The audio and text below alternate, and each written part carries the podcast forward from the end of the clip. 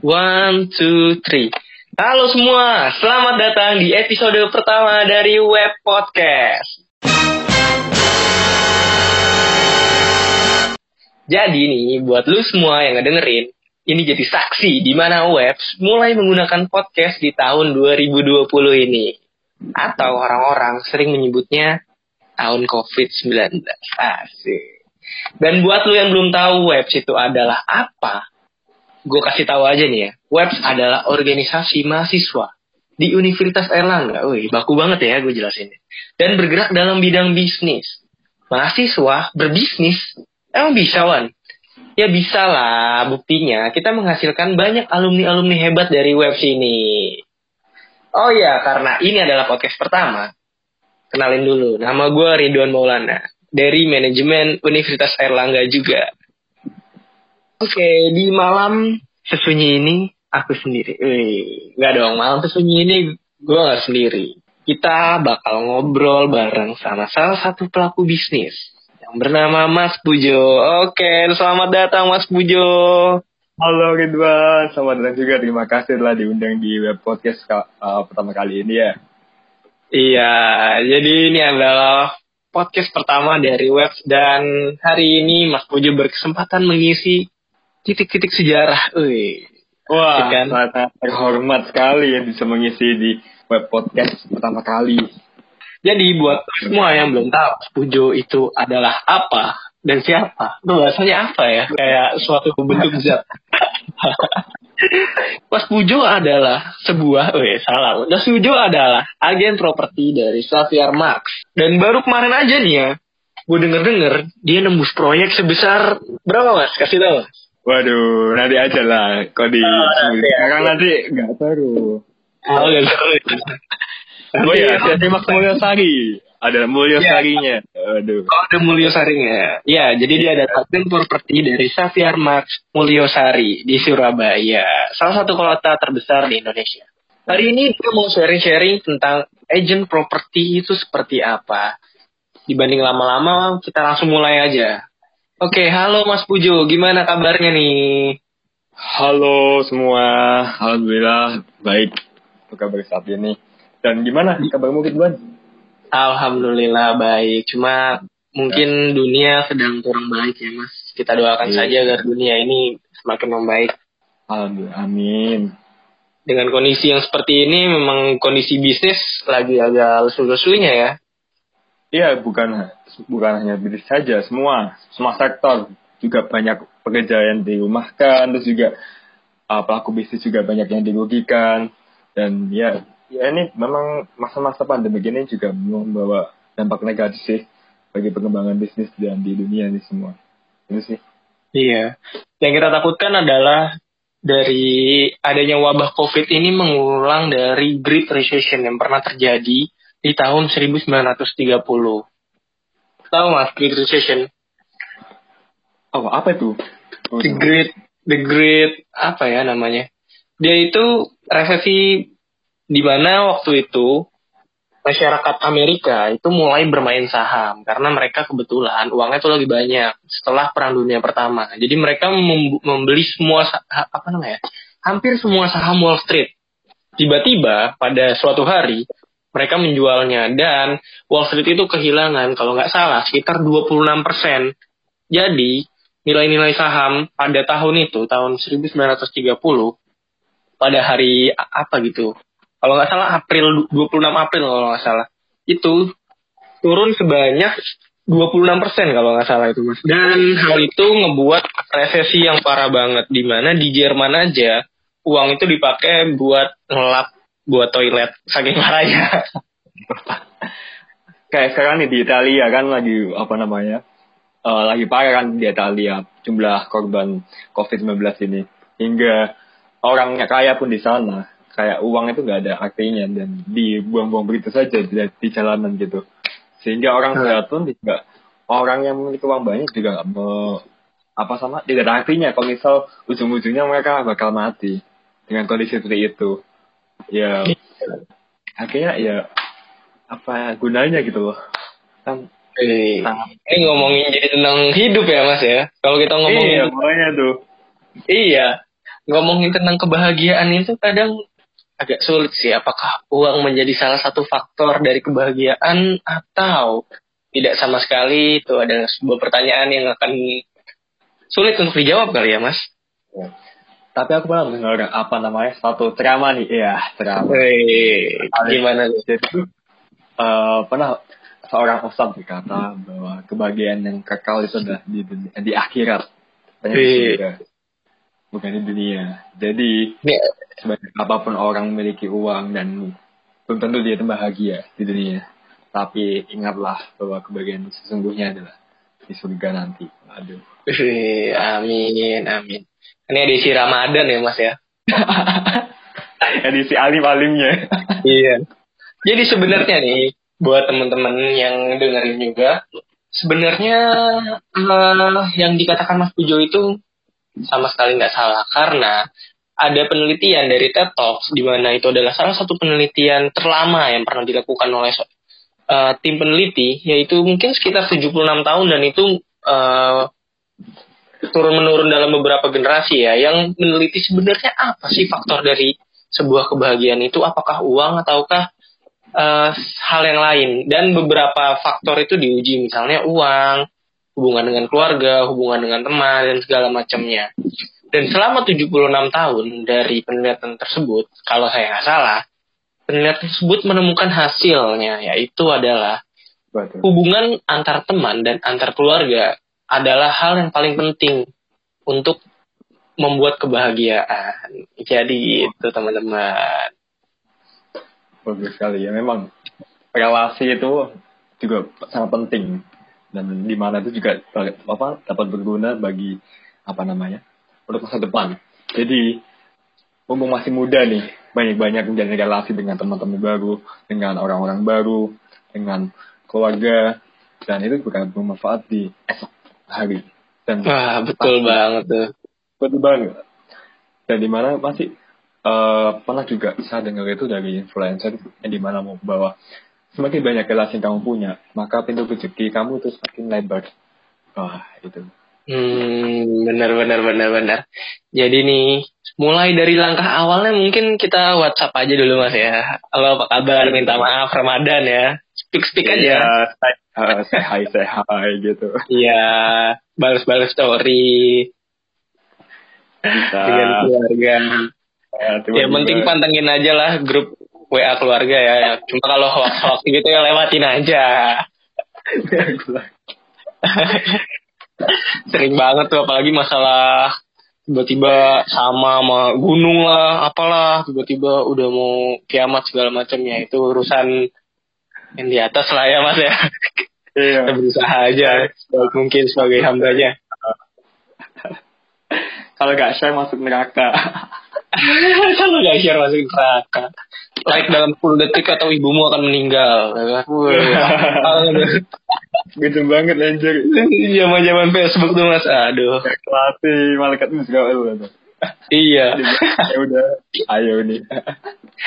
Oke kembali lagi ke topik setelah kita berbahasa basi ria, sebenarnya apa sih mas agent property itu? Oke, okay. agent property ini ya buat bagi teman-teman semua nih para penggemar di luar sana, waduh. Wih, penggemar. Iya. kan mulai ini kan nyari pasti nyari masa kan. Nah, iya. Nah, kalian belum tahu nih tentang agent property.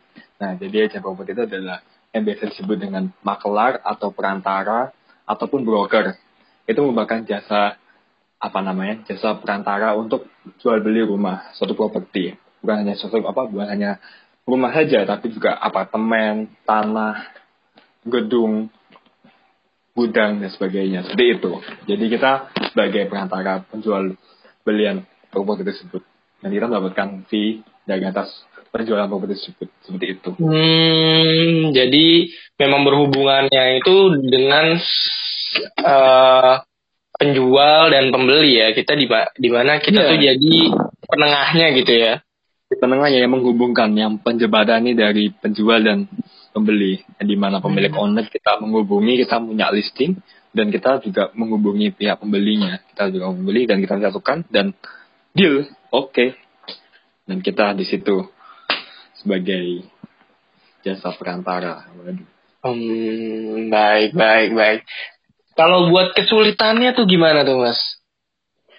Wah, kalau dibilang kesulitan tuh pasti setiap bisnis itu pasti juga punya kesulitan masing-masing ya. Nah, kalau Punya sulitnya masing-masing ya?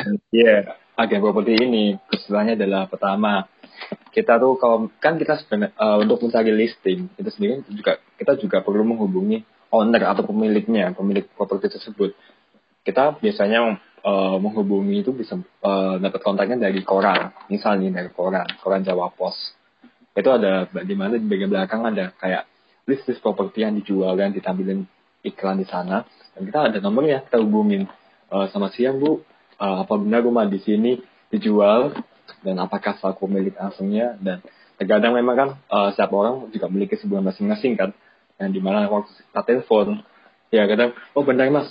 Uh, sibuk nanti aja ya teleponnya. Cet, akhirnya kita kayak menunggu pembalasan apa namanya kita chat WA juga nunggu balasan itu juga lama. Itu pertama kesulitan pertamanya sehingga hmm. kita kayak untuk mengumpulkan listing itu juga sangat susah gitu kadang nah lalu yang kedua ketika kita apa namanya waktu mengatakan klien kan kadang setiap klien itu pasti pingin rumah di tengah kota di dalam perumahan harga murah dan nyaman dan hal yang nggak mungkin ya mas ya padahal ya mungkin dan ini kan aku juga sebagai agen properti di Surabaya kan yang di mana yeah. juga uh, apa namanya uh, rumah di perumahan dalam lokasi perumahan atau klaster di tengah kota Surabaya itu sudah sangat jarang apalagi yang nyari di bawah harga 1 M itu sangat Ber sangat susah. Kalau buat harganya berarti kisaran berapa itu Mas? Kalau di yang sesuai permintaan tadi itu di tengah kota, akses ke mana-mana lancar segala macam.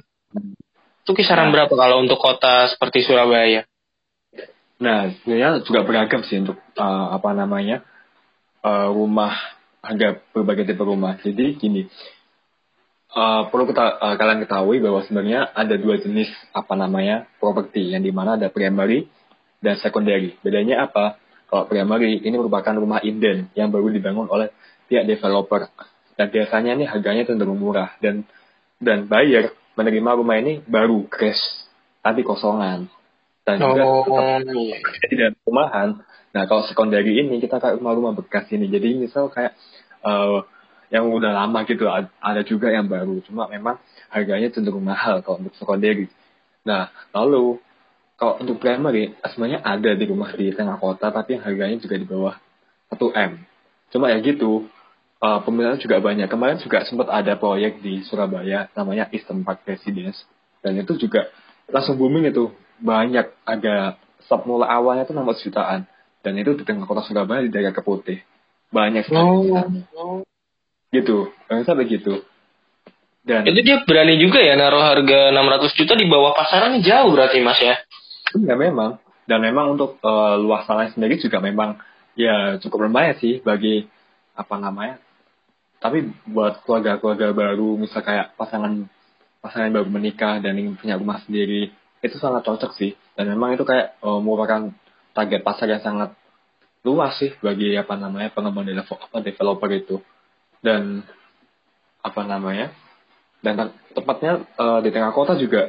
Dan memang mereka berani dan untuk memasarkan itu di harga segitu dan pasti bakal lakunya sih kayak minatnya nggak apa namanya dan nggak tanggung tanggung juga kayak gitu kalau buat luasnya ini berapa mas di tengah kota dengan harga 600 juta kalau luasnya biasanya tuh uh, mulai dari ukuran 50, 60, dan 72 seperti itu. Dengan lebar 5 lah, minimal 5, 6, 7. Dan 5, saya panjangnya 7. sekitar uh, lebarnya sekitar biasanya kalau nggak 11, 12 ya 13 seperti itu. Itu nah, hitungannya itu gimana sih mas? 11, 12, 13 saya masih kurang paham tuh. Jadi itu kan panjangnya tuh. Jadi misal lebarnya 5, panjangnya 10, berarti luas tanahnya 50. Iya. Gitu. Oh iya iya iya benar benar. Ya. Gitu jadi.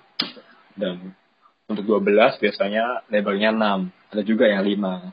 Dan ya tergantung dan semakin besar juga semakin mahal sih. Dan memang itu hanya 600 juta itu untuk tipe yang terkecilnya. gitu sih Kalau un- itu berarti termasuk ke rumah KPR atau gimana ya mas? oh jadi kalau untuk pembayarannya bisa bermacam-macam ada Hmm. ber- ber- eh, berbagai tipe pembayaran yang di mana bisa cash keras atau cicil ke developer atau lewat KPR itu tadi. Bebas Hmm. tergantung. Begitu. Mungkin di lain waktu kita bisa bahas gimana cara tips and trick membayar rumah yang paling worth it kali mas ya. Lewat mana gitu. Ya, bisa coba beli dong. Biar biar tahu proses gimana. Biar nggak nanya aja Bagus ya ada marketingnya ya di tengah-tengah Iya. season kita ini. jangan nanya jangan nanya aja dong beli Oh iya. Cari rumah ke Pujo aja. Masuk masuk masuk Oke mas, Iya. di sini mulai ada teman-teman yang bertanya nih. Kalau misalnya mau Oh, iya? mulai gimana sih? kalau untuk mau mulai ya Iya. jadi agen properti nah jadi gini aku boleh cerita sedikit ya? Eh, Iya. sebelum aku masuk dari apa namanya ke CV Mas Mulyosari ini. Jadi dulu kan aku waktu awal-awal masih mahasiswa tuh aku daftar web unek juga nih tahun Hmm. 2018 nah itu aku melihat ada alumni yang sekarang jadi alumni itu mempromosikan bisnisnya yaitu agen properti yang di mana saat itu dia sudah berpenghasilan jutaan bahkan puluhan juta. Dan kayak aku merasa ketrigger gitu. Wah kayak kayaknya keren sekali nih. Aku masuk ke organisasi ini dan juga bakal nyobain di sini. Ya udah akhirnya aku daftar dan akhirnya keterima. Langsung aku hubungin mas itu tadi. Namanya mas Tan. Oke aku hubungin dan mereka dan dia welcome. Kita ketemuan sharing sharing oke langsung aku diajak ke kantornya untuk apa namanya untuk uh, apply CV ku untuk sana dan alhamdulillah keterima Hmm. Dan- Uh, itu untuk yang salah satu caranya dan bisa juga bagi teman-teman yang sudah punya pengetahuan di bidang properti atau juga mantan agen properti juga bisa memang uh, secara independen langsung gitu. Jadi tanpa tanpa terikat dengan kantor agensi juga bisa langsung mulai sih sebenarnya seperti itu. Buat temen-temen nih ya yang belum tahu Mas Tan itu siapa. Jadi dia adalah salah satu legenda di Ormawa Web juga Mas ya. Iya betul di Websunak juga. Dan memang dia juga eh upline ku sih anjay. Dan Apa memang juga Apa? upline anjay. Kayak apa upline juga. Upline, upline ku. Jadi kan Upline- kayak aku gimana? Upline tuh apa tuh Mas? Upline itu kayak ya aku jadi kayak bawahannya dia kan masuk timnya dia gitu loh. Oh Iya, iya iya iya. iya. Jadi dia misalnya kepala proyeknya gitu ya. Mas Pujo Iya. itu salah satu kaki tangannya lah. Iya bisa bisa. Nah ini kalau misalnya buat di Xavier Marx Mulyosari ini sendiri gimana tuh mas pengalamannya? Suka dukanya atau awal-awalnya dulu deh gimana bisa masuk ke situ selain dari Mas Chan dan gimana bisa bertahan mas? Karena kan kita tahu bahwa dunia properti itu nggak kayak orang jualan kacang itu benar-benar perlu pendekatan, perlu sabar dan segala macam. Jadi nggak nggak bisa langsung kayak orang jualan pakaian gitu mas ya. Kalau orang jual pakaian kan dia cepet ya, fast moving Iya. selling kan. Kalau hmm. Sementara kalau misalnya Oh. properti itu kan nggak sembarang orang dan buat kesepakatannya itu lama. Perlu kita ngobrol berapa kali segala macam, ketemu sana, ketemu sini itu gimana itu mas ceritanya itu? Oke, jadi aku bakal cerita ya suka duka ya ketika ini aku udah juga masuk eh udah setahun sih ini aku di satu maksudnya Satu tahun ya? Iya udah setahun. Jadi untuk suka duka nih, memang kan eh, kalau untuk jual beli properti ini nggak bisa kayak jual kacang gorengan di mana tuh kayak cepet lakunya dan sebagainya. Tapi juga tidak menutup, menutup kemungkinan bahwa kamu juga bakal sering closing atau sering Oh, jualin Bisa properti itu mas? juga bisa bisa bahkan juga Hmm. teman kantor juga ada yang sering closing nah memang itu se- se- seringnya memang- apa tuh mas kalau boleh tahu? gimana Seseringnya apa tuh mas? Kalau boleh sering apa Sesering Jadi- closingnya itu paling sering Closing. hmm, dalam satu Iya, bulan. Kalau misal uh, jadi di grup WA itu ya kan biasanya diumumin tuh yang closing closing. Nah uh, setiap closing itu mesti selalu orang itu itu itu aja dan itu Oh. biasanya bisa uh, dalam sehari bisa dua closing dan besoknya bisa closing lagi dan jarak tiga hari lagi closing lagi seperti itu Wah. dan rahasianya memang ya ada sih memang tips and triknya dan memang itu juga uh, cukup cukup apa namanya cukup bagus konsisten sih bagi pemula kayak uh, awal-awal seperti aku gini. Dan untuk suka dukanya nih dukanya nih uh, dari awal aku masuk ke Sevilla Munyosari sendiri aku baru closing itu baru sekitar tujuh bulan kemudian. Dan memang uh, kenapa kok bisa kayak gitu? Yang di mana sekarang kesibukanku juga berorganisasi di web Sunar, kuliah juga uh, kewajibanku di rumah dan juga kerja di Saving Max Munyosari dan itu memang harus kayak balance uh, semuanya gitu. Dan itu memang susah. Dan ini aku baru kayak ngerasain waktu di awal kuliah waktu awal masuk juga di Saving Max ini. Dan uh, bayangin tuh aku waktu sebelum closing itu sering nganterin klien ke sana kemari ke daerah Surabaya Timur dari Surabaya Tengah. Dan hanya viewing aja dan tanpa ada closing. Atau ada kesepakatan. Ya memang capek sih. Tapi ya namanya juga masih berproses kan masih awal. Iya, jadi betul, betul. ya aja. Dan aku memang waktu itu aduh ini kak kayak lama pernah mikir kayak aduh kayak mau pengen berhenti aja gitu. Kayak udah Hmm. nyari lain lah.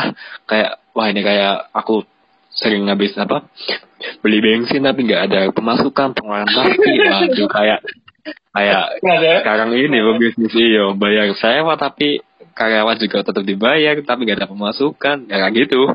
Hmm. sama juga nah itu salah satu dukanya dan juga kadang eh memang tipe-tipe orang tuh unik ya jadi kayak vendor dan bayar itu kita kita nggak bisa tebak. Dan di mana-mana kalau misal jadi apa-apa mesti yang disalahkan itu ya agennya bukan siapa-siapa lagi. Dan kita kayak sumber sumber apa namanya sumber yang disalahin. Walaupun kita nggak salah ya tetap disalahin. Pernah juga waktu itu aku hampir deal hampir deal jual apartemen. Dan saking apesnya dan memang aku lagi megang bayar itu yang memang eh, cerewet dan juga kalau nawar itu ngawur gak realistis Si Nawarnya tuh ibu ini kayaknya ya kayaknya kalau Iya, ibu-ibu. Wah, Udah tua benar juga. kan tebakan saya. Iya. Aduh ini jangan sebut nama juga sih ini. Wah, jangan dong.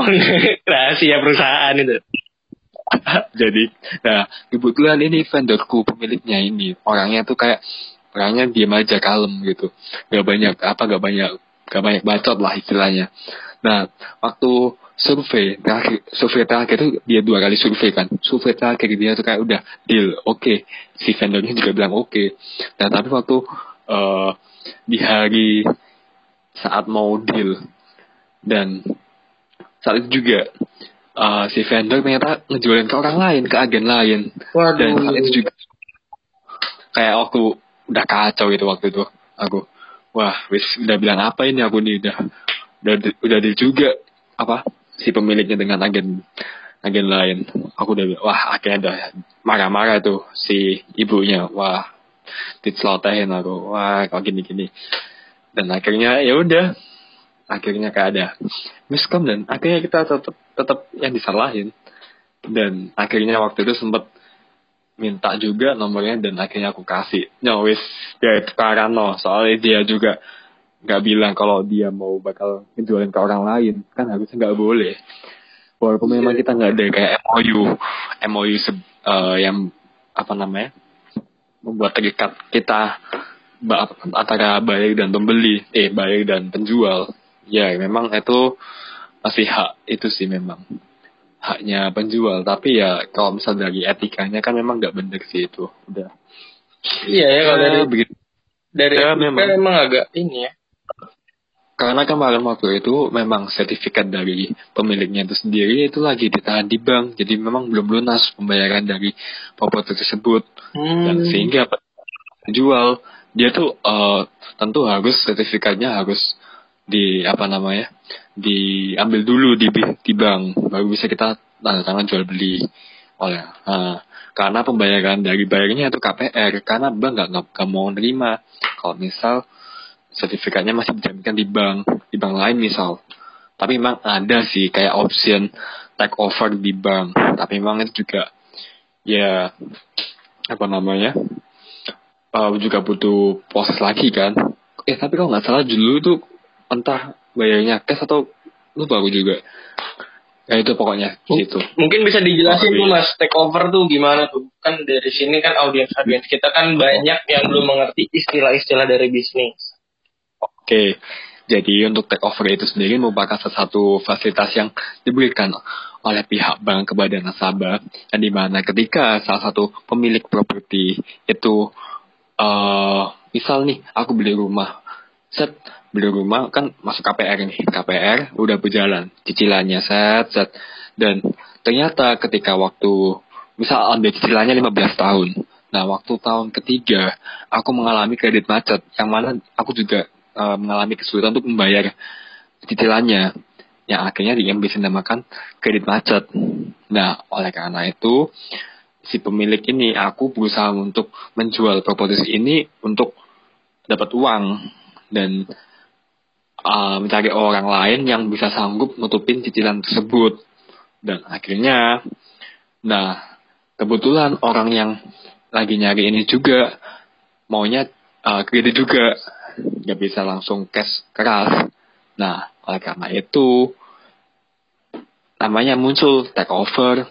Jadi dari dari pemilik apa? Dari apa namanya atas namaku menjadi atas namanya dia dengan pengalian kredit rumah seperti itu. Oh. Jadi gitu. Jadi ini mungkin kalau dalam istilah penjual belian motor itu oper kredit bener atau bukan mas? Iya seperti itu sama. Hmm. Cuma memang itu nggak semua bank itu bisa menerima take over dan dan pasti setiap bank itu memiliki kebijakannya masing-masing. Jadi kayak ada kriteria masing-masing yang harus dipenuhi. Kadang ada beberapa tipe properti yang memang dia nggak mau take over dan juga uh, aku nggak mau take over dari bank ini misal BCA nggak mau take over dari bank mandiri misalnya ini juga belum tentu benar itu hmm. Dan memang itu case by case sebenarnya case by case ya karena memang setiap case itu ya, punya betul. keunikannya sendiri dan itu menjadi suatu tantangan dari broker ya mas ya. Iya betul. Dan kita juga uh, sama apa namanya menjalani aktivitas sebagai broker. Itu kita juga bakal tahu kayak belum dari dunia properti terus juga belum dari perbankan developer pengembang dan sebagainya. Kita juga bakal tahu kayak gitu dan mungkin ini juga bakal jadi bekal di tahun apa di ke depannya. Bakal misalnya kamu nih uh, mau bikin bikin apa namanya bikin rumah nih bikin kayak apa namanya jadi pengembang dan developer. Bisa. Jadi kamu tahu step by stepnya. Kayak gimana? Gitu. Karena kamu sebelumnya juga pernah kayak kontak-kontakan dengan pihak developer properti ini. Jadi kamu kayak waduh sharing-sharing ilmu. Tanya bisa tuh. Nah kayak gitu hmm. uh, Mas Pujo mungkin uh, aku mau tanya nih kalau misalnya aku nih mau buat rumah apakah aku termasuk developer atau gimana ya Oh, jadi gini, kalau untuk develop, uh, developer ini sendiri itu uh, sifatnya gini, kamu bikin rumah terus jualkan ke orang lain. Jadi uh, bisa developer itu uh, bisa memiliki beberapa tipe rumah. Misal kamu nih beli beli tanah, misal luasnya 100 100 meter persegi. Yeah. Kamu bisa bagi dua. Ya tuh kamu kamu jualin, jualin. Ya itu sebenarnya bisa sih sebagai developer. Cuma kan memang developer kecil-kecilan. Cuma kan kalau developer yang bisa di apa namanya yang berada di yang apa namanya partai-partai besar gitu ya nah, itu ya uh, dia tuh bikin skala besar yang juga memiliki lahan beratus-ratus hektar yeah. dan ribuan hektar malah yang yang di mana nanti dia bakal kayak bikin klaster-klaster perumahan baru dan mereka bakal jualkan. Nah kayak gitu. Dan juga developer sendiri developer properti itu sendiri juga uh, harus memiliki sertifikasi. Dan ada kok misal dia tuh harus tergabung dalam asosiasi misal Real Estate Indonesia atau kayak gitu apa gitu satunya lupa. Nah karena uh, case by case juga memang di Indonesia ini ya di Indonesia ini sendiri juga memang nggak untuk kemungkinan banyak pelaku pelaku penipu yang di mana dia sebagai mengaku-ngaku sebagai developer tapi ternyata dia te, uh, ternyata developer bodong yang di mana dia juga jualan rumah tapi ternyata uang ketika orang pembeli membayar uangnya dibawa kabur uangnya hmm. tapi proses tidak berjalan. Ada seperti itu. Sering kejadian juga itu mas nah, ya itu. Iya jadi memang untuk developer sendiri itu juga perlu uh, harus juga diawasi uh, harus ada sertifikasi dari OJK yang di mana dia juga diawasi oleh OJK dan salah satu juga tergabung dalam asosiasi kayak yang tadi aku sebutkan. Nah, jadi juga perlu apa namanya? Perlu diketahui juga ya? sebagai konsumen yang cerdas. Iya, jadi konsumen cerdas juga dalam membeli dalam membeli rumah baru dari pihak developer juga kita harus tahu uh, latar belakang dari developer ya yang akan kita beli produknya seperti itu. Jadi nggak asal sembarangan sih gitu. Iya dengan banyak kok developer developer terkenal misal kayak Trinity Line terus juga PP Property kayak gitu hmm. itu sih developer developer besar berarti kalau dari si Xavier Max Mulyosari itu sebagai hanya penengah gitu ya dia bukan pengembang atau pembuatnya seperti itu benar iya yeah. hmm. uh, benar kita juga kadang diajak uh, misal dari pihak developer kan butuh nih marketing buat masarin produknya nah kerjasama dengan berbagai berbagai agensi properti seperti kayak Seven Max, Brighton, Propnex dan sebagainya. Nah sebagai lead agent, nah itu mereka juga kita memasarkan produk mereka dan imbal baliknya kita dapatkan PLT dari mereka seperti itu. Oh gitu. Dapat komisi lah istilahnya. Biasanya tuh berapa, itu berapa persen nih mas? Atau ada perjanjian atau gimana? Oh jadi kok biasanya itu kita uh, untuk komisinya biasanya standarnya dua persen sampai dua setengah biasanya hmm. sekali penjualan rumah seperti itu ya anggap aja coba hitung agak rumah 600 juta dapat komisi dua dua persen berarti sekitar berapa tiga puluh ya Hmm, sekitar segituan lah, hmm. dua hmm. persennya. Lumayan banget ya mas. Itu biasanya prosesnya berapa lama tuh mas? Mungkin di sini teman-teman kan mulai tertarik nih, wah 30 juta. Tapi mungkin yang jadi pertanyaan dari teman-teman adalah, duh gue harus ngurusinnya berapa lama nih buat dapat 30 juta? Mungkin bisa sharing-sharing tuh mas berapa lama? Oh untuk mencarikan komisinya? Iya dan prosesnya gitu mungkin ya mas dari satu properti sampai benar-benar deal itu biasanya memakan waktu berapa lama? Oh, jadi kan memang misal nih dari awal ya prosesnya. Dari awal prosesnya kita memasarkan produknya set, memasarkan produknya ketika ada buyer, kita ngantarin viewing set, ngantarin viewing dan sebagainya. Viewing apa tuh, Oke, okay, di viewing itu kita ngantarkan klien untuk melihat produk rumahnya. Oh. Kita mengantarkan langsung ke tempat alamat lokasi langsung. Nah, ketika mereka minat, oke, okay, cara pembayarannya bagaimana? Apakah cash, apakah uh, cicilan atau KPR? Nah, di situ juga terkadang berbagai developer nah nanti kalau misal udah deal uh, pembelinya nanti dia bakal kita tanyain pembayarannya bagai, uh, bakal gimana? Apakah cash atau pembayaran baik KPR nah beberapa developer juga uh, menetapkan kebijakan yang di mana untuk pencairan komisi itu juga berbeda. Misal, kalau misal bayar KPR, itu nanti pada bulan keberapa pembayaran cicilan, itu baru cair komisinya berapa persen. Biasanya itu nggak full. Ada juga yang full. Dan memang itu tergantung developer. Dan kalau misal cash keras tuh, cash keras langsung biasanya berapa berapa minggu setelah AJB akte jual beli udah tantangan udah serah terima kunci baru cair juga ada seperti itu. Dan memang biasanya itu uh, untuk prosesnya bisa makan waktu sebulan. Bisa sih sebulan. Tergantung memang tergantung dari itunya juga. Iya benar. dari setiap iya. developer kalau misal dua pada bulan ketiga ya paling tiga bulan seperti itu untuk mencarikan komisinya. Oh, Dan memang dari uh, barang terjual berarti mas ya? Terjual berarti mas ya? Uh, ada juga yang setelah kan oh untuk komisi itu biasanya ketika setelah rumahnya uh, udah lunas sih. Oh udah lunas? Biasanya. Oh, udah lunas. Iya udah lunas. Oh. Dan untuk untuk yang tiga bulan tadi yang aku sebutkan itu namanya BLT bonus langsung tunai jadi double tuh dapat BLT dapat komisi kan enak tuh komisi Iya. dua persen dan BLT-nya lumayan BLT-nya persenan itu. juga atau tergantung? tergantung. BLT udah ditentuin biasanya misal untuk kamu jual satu rumah biasa dapat 5 juta atau tujuh setengah juta misal kamu dapat eh, dalam bulan ini dalam target sama beberapa minggu ini bisa ngejualin ada tambahan komi apa tambahan BLT senilai segini ah biasanya seperti itu tergantung memang tergantung developer. Dan itu memang dan eh, enaknya itu ya kalau jualan primer itu kamu itu memiliki investasi tabungan untuk jangka ke depannya beberapa tahun ke depannya. Tapi memang ya cukup lama sih. Kan kadang kita nungguin tuh sampai rumahnya jadi eh sampai lunas.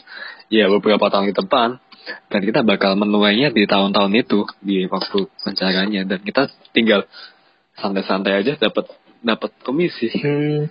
dan kita juga sebelum sebelum itu ya dapat BLT kan lumayan BLT diputer diputer-puter lagi dan kita di tahun-tahun ke depan setelah lunas kita dapat uang lagi mantep gak tuh Mantap mas. Tapi eh, ada nih pertanyaan nih mas dari salah satu pendengar kita. Misalnya kita di, misal kita menjual properti tahun 2020. tahun Sementara properti itu dicicil dan lunas dalam waktu lima tahun. Dan kita tahu bahwa di ekonomi itu ada yang namanya inflasi. Nah itu gimana tuh mas dalam pembagian hasilnya sesuai inflasi atau sesuai harga yang pada saat dibayarkan? oh untuk komisi Iya. betul. kalau Iya.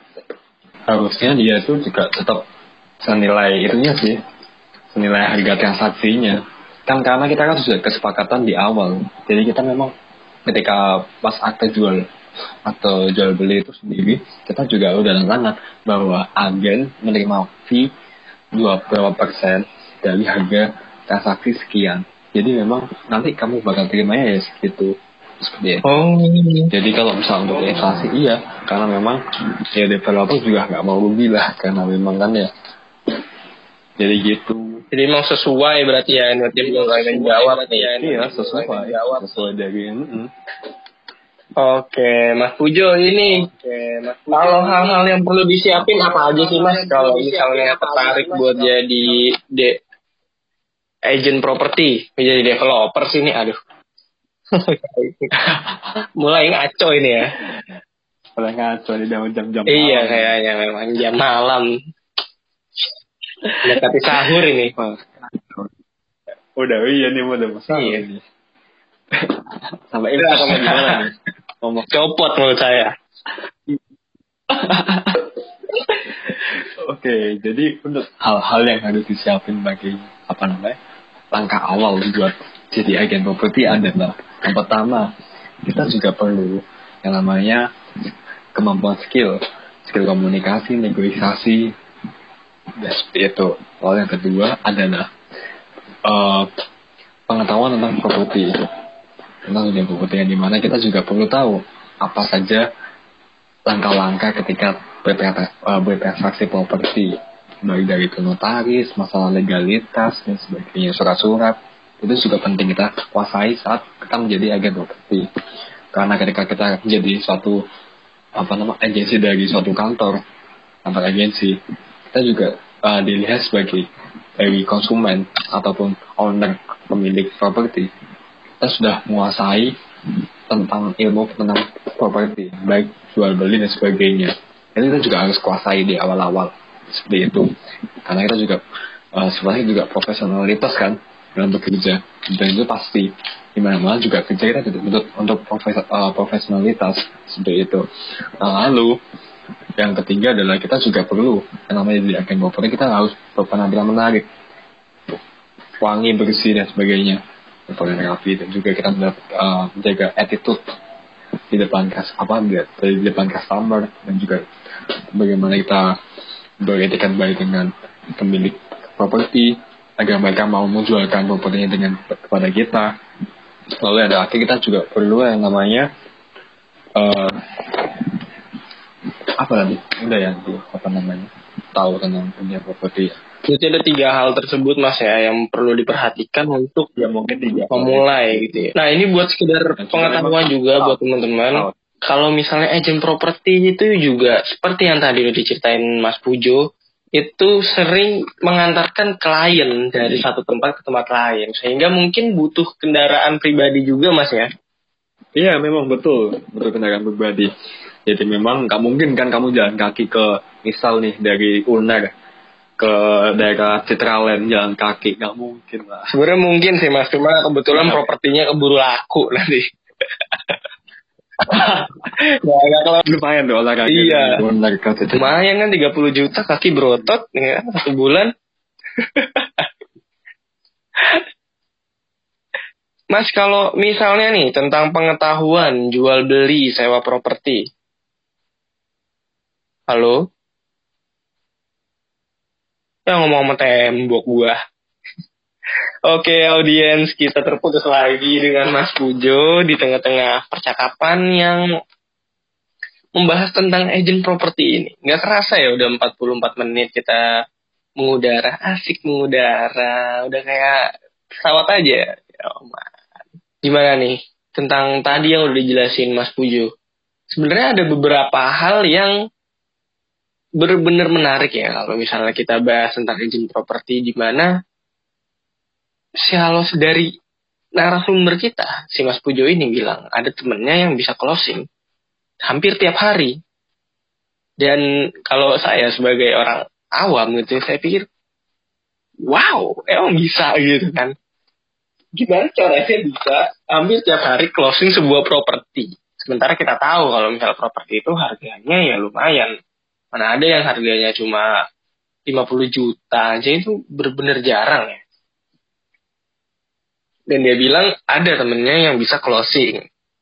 Jadi itu mungkin kita akan bahas di lain waktu gimana caranya si temennya itu bisa closing sebanyak itu dalam tiap harinya. Oke sambil menunggu Mas Pujo untuk reconnecting kembali, teman-teman bisa memberikan tanggapan di Twitter kita dan memberikan pertanyaan-pertanyaan tentang podcast kita malam ini. Oke.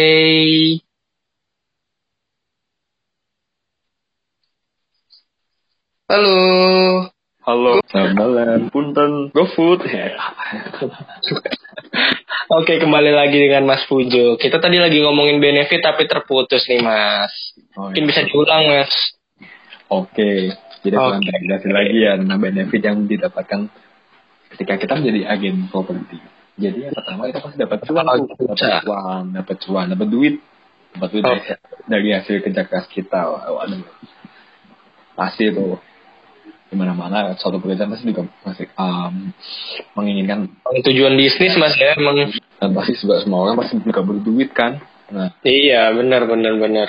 Banyak orang yang kalau udah nggak ada duit pusing, Mas ya, sampai bisa kayak sekarang ini pusing, macam ya. uh, perekonomian lesu, aduh. Dengan posisi begini gimana, Mas? Penjualan properti berarti ya agak-agak turun ya, Mas ya? agak turun memang, tapi enggak Tapi tetap ada. tetap ada. Oh iya, Hmm, syukur deh. biasanya ini kok sama-sama apa masa-masa gini yang nyari properti itu investor-investor biasanya karena kalau untuk pelaku pekerja biasanya juga mereka bakal mengkeep dulu, menghold dulu tidak untuk membeli properti tersebut eh, di masa sekarang. Memang kan sekarang kan banyak yang dirumahkan kan, banyak yang di PHK dan itu juga para pelaku bisnis juga nggak dapat pemasukan kan. Nah seperti itu. Jadi mereka emang mencari yang kesempatan seperti ini malah, Mas ya? Dan justru biasanya ini biasanya owner pemilik properti yang ketika lagi butuh uang dan mereka juga punya aset properti dan bakal dijualin biasanya mereka bakal menurunkan harga yang cukup signifikan dan juga cukup drastis gitu dan ya ini Hmm. biasanya Seberapa persen pengurangannya? untuk pemain eh, beda-beda memang kan tiap ini apa tiap pemilik eh, juga Biasanya kisaran berapa nih, Mas? 10 persen lebih. misal nggak sampai biasanya misal dia agak 2,5 m diturunkan jadi harus juta jadi 2,4 seperti itu biasanya Hmm, biar lebih cepat juga ya. Mungkin dia butuh uang buat ya kebutuhan yang lain ya. iya dan memang case by case juga memang ketika si owner ini mengalami misal mau dibilangin dalik ketika ada keluarganya sakit dan memang butuh apa namanya segera diobati atau memang diopname atau apa dan memang dia satu-satunya ini butuh dana ya ini tadi bakal diturunkan lebih jauh misal setengah harga misal. Bisa. Dan itu Hmm. memang itu sangat-sangat ya susah sih memang itu. Case by case tapi tidak pasti ada kayak gitu. Case-case seperti itu. Dan gitu sih jadi memang itu satu kehokian bagi para pembeli ketika menemukan apa owner yang lagi bu, PU istilahnya butuh uang. Dan memang juga lagi butuh cepet butuh cepet laku. Ya itu itu Dan aku, ada. aku sendiri juga pernah baca sih mas di salah satu bukunya Robert Kiyosaki yang bilang eh, the rich will be richer and the poor will be poorer. Intinya adalah ketika masa-masa kayak begini malah waktunya yang tepat buat investasi. Cuma kadang beberapa orang dengan ekonomi yang pas-pasan gimana mau investasi mas ya dengan nah makin besok aja bingung gitu. dan memang eh, apa namanya investasi nih yang ngomongin investasi memang itu kan banyak kan banyak pilihannya ada reksadana saham obligasi terus ada juga investasi properti bahkan kita juga bakal bisa investasi yang namanya investasi pengetahuan nah itu juga penting nah Hmm, itu paling penting eh, pengetahuan. Hmm. Jadi mungkin bagi teman-teman yang eh mohon maaf bisa kayak tadi menengah tadi bisa investasi tuh di eh, di pengetahuan. Jadi karena itu memang gak ada matinya apa namanya untuk investasi di bidang pengetahuan. Dan di mana itu juga bakal be- berguna di masa depan. Iya, benar benar benar benar. Jangan pernah berhenti belajar ya Mas ya. Oh, dan memang sekarang ini dan juga memang kayak saham itu sendiri kan memang kayak lagi IHSG turun tuh dan harga saham mulai apa namanya turun drastis dan memang sebenarnya bisa kayak investasi kecil-kecilan dulu nyicil biasa memang. Tergantung dengan pilihannya masing-masing kan? Profil risiko dan sebagainya. Lalu nih eh, ngomongin tadi benefit untuk benefit yang kedua nih. Kita bakal tahu yang namanya seluk-beluk dunia properti. Di mana kita sebagai agen properti yang selama kehidupannya itu bakal berhadapan langsung dengan yang namanya pihak bank, notaris, terus juga developer dan juga agen-agen kita juga bakal pasti uh, bakal tajam tuh itu sih kita dalam dunia properti itu tadi dan itu juga bakal dapat menjadi bekal bagi kita untuk ke depannya ketika kita nanti mau terjun ke dunia properti. Misal kita mau jadi pengembang atau apa, mau beli rumah sendiri, ingin jual, kita bakal tahu apa namanya eh, ilmu ilmu ilmu yang kita sudah dapatkan ketika kita menjadi sebagai agen properti.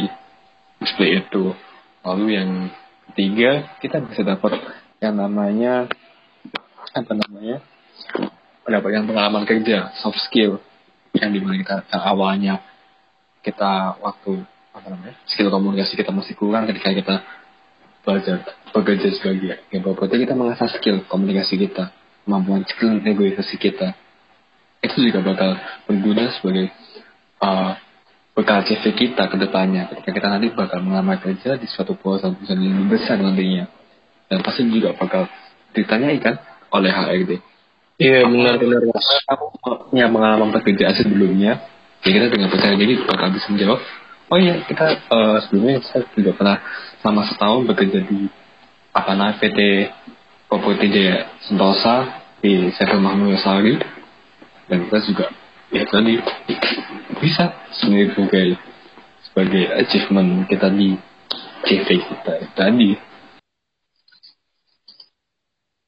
Jadi kan memang kehidupan kita sebagai agen properti ya kan? Kita berhubungan dengan manusia-manusia agen kok agen. Iya dong Mas masa ya hantu. iyalah makanya itu. Kita juga bakal menambah kenalan baru relasi baru dengan mereka. Dan di mana kita juga bakal barangkali bermanfaat di masa depan dan tidak ada relasi yang tidak bermanfaat sih memang. Dan itu kita juga bisa kenal dengan pihak apa orang-orang notaris orang-orang dari pihak bank dengan owner-owner dan juga biasanya tuh ya pembeli properti itu kan biasanya orang yang memiliki pekerjaan. Dan biasanya kan kita juga ada nih properti yang memang harganya itu fantastis. 8 m 10 m kan di mana ketika orang membeli itu kan masih juga wah ini pekerjaannya nih kayaknya asik nih keren nih. Wah kayaknya aku menjalin relasi dengan orang ini kayaknya bakal berguna nih bagi depannya nah kayak gitu. Oh, betul banget tuh mas ya. Kita Iya. bisa bisa bisa kontak-kontakan dengan dia ya. iya sangat langsung. Kita membantu mereka kita berhubungan baik.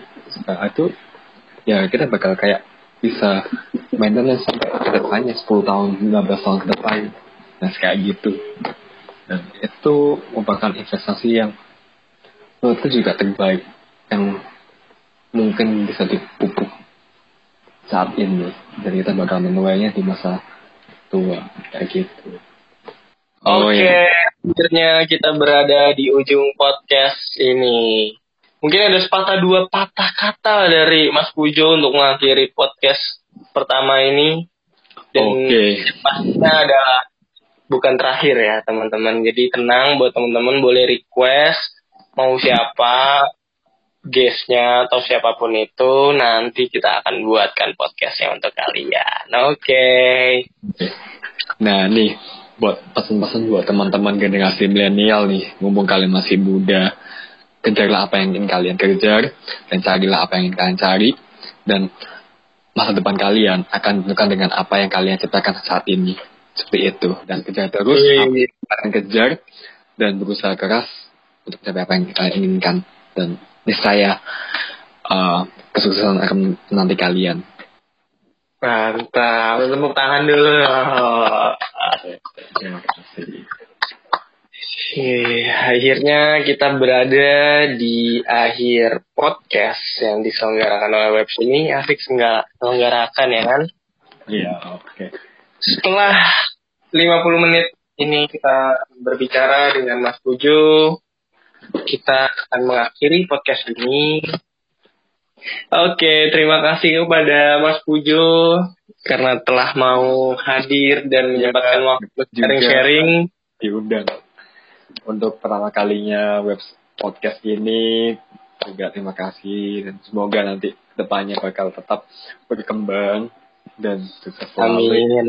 Oke. Amin amin amin amin. 26 April 2020 saya Ridwan Maulana izin untuk undur diri.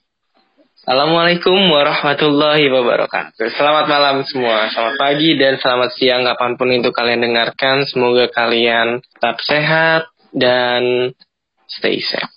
Bye. Bye.